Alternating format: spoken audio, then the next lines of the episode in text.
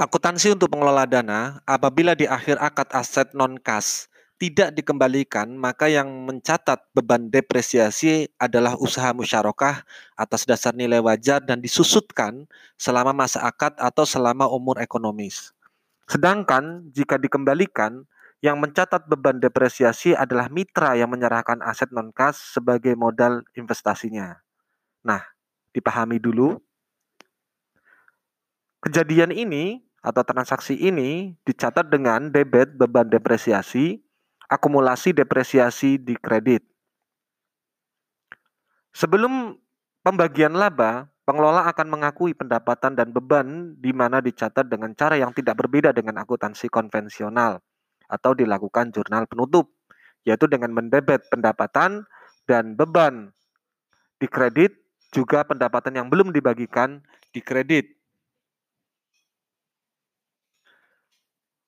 Akuntansi untuk pengelola dana dalam hal pencatatan untuk pembagian laba untuk mitra aktif atau pasif dengan mendebet beban bagi hasil, utang di kredit. Nah, pada saat pembagian laba tersebut dibagikan dengan mendebet utang atau utang usaha dan kas di kredit. Sementara pada akhir periode akun pendapatan yang belum dibagikan dan beban bagi hasil ditutup, maka hal ini dijurnal dengan debit pembagian debit pendapatan belum dibagikan dan beban bagi hasil di kredit.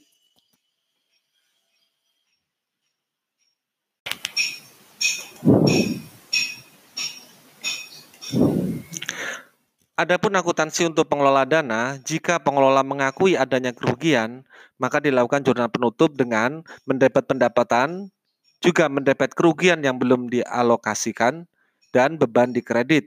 Sementara untuk pengakuan pendistribusian kerugian, hal ini dijurnal dengan debit penyisian kerugian dan kerugian yang belum dialokasikan di kredit. Akuntansi untuk pengelola dana, pencatatan yang dilakukan pada akhir akad. Apabila dana investasi yang diserahkan berupa kas, maka hal ini dijurnal dengan debit dana syarikat temporer, kas di kredit, penyisian kerugian di kredit. Apabila dana investasi yang diserahkan berupa aset non-kas, mungkin bangunan, tanah, dan lain sebagainya, dan di akhir akad dikembalikan, kejadian ini dijurnal dengan mendebet dana sirkah temporer dan aset non-kas di kredit. Jika aset harus dikembalikan dan terjadi kerugian, maka harus menyerahkan kas untuk menutup kerugian tersebut. Hal ini dijurnal dengan debit kas, penyisian kerugian di kredit. Akuntansi untuk mengelola dana.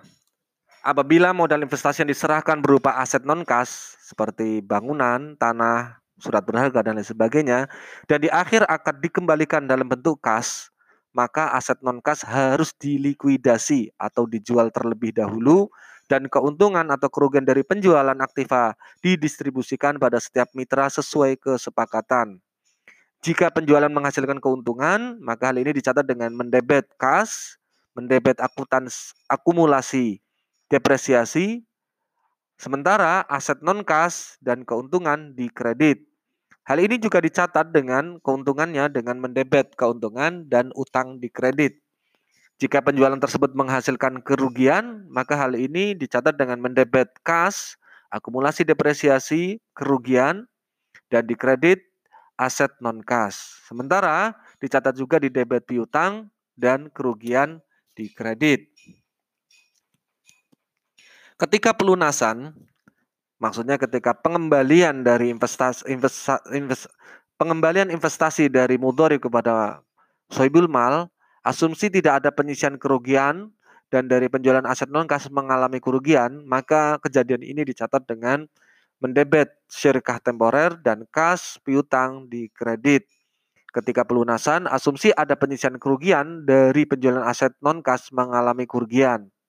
Nah, ini dicatat dengan mendapat dana syarikat temporer, dikredit kas atau kewajiban, dikredit piutang, dikredit penyisihan kerugian. Akuntansi untuk pengelola dana selanjutnya, bahwasanya dalam uh, kaidah ini, bagian mitra aktif atas investasi musyarakah menurun dengan mengembalikan dengan pengembalian modal mitra secara bertahap dinilai sebesar jumlah kas atau nilai wajar aset non kas yang diserahkan untuk usaha musyarakah pada awal akad ditambah dengan jumlah modal syarikat temporer yang telah dikembalikan kepada mitra pasif dan dikurangi kerugian jika ada.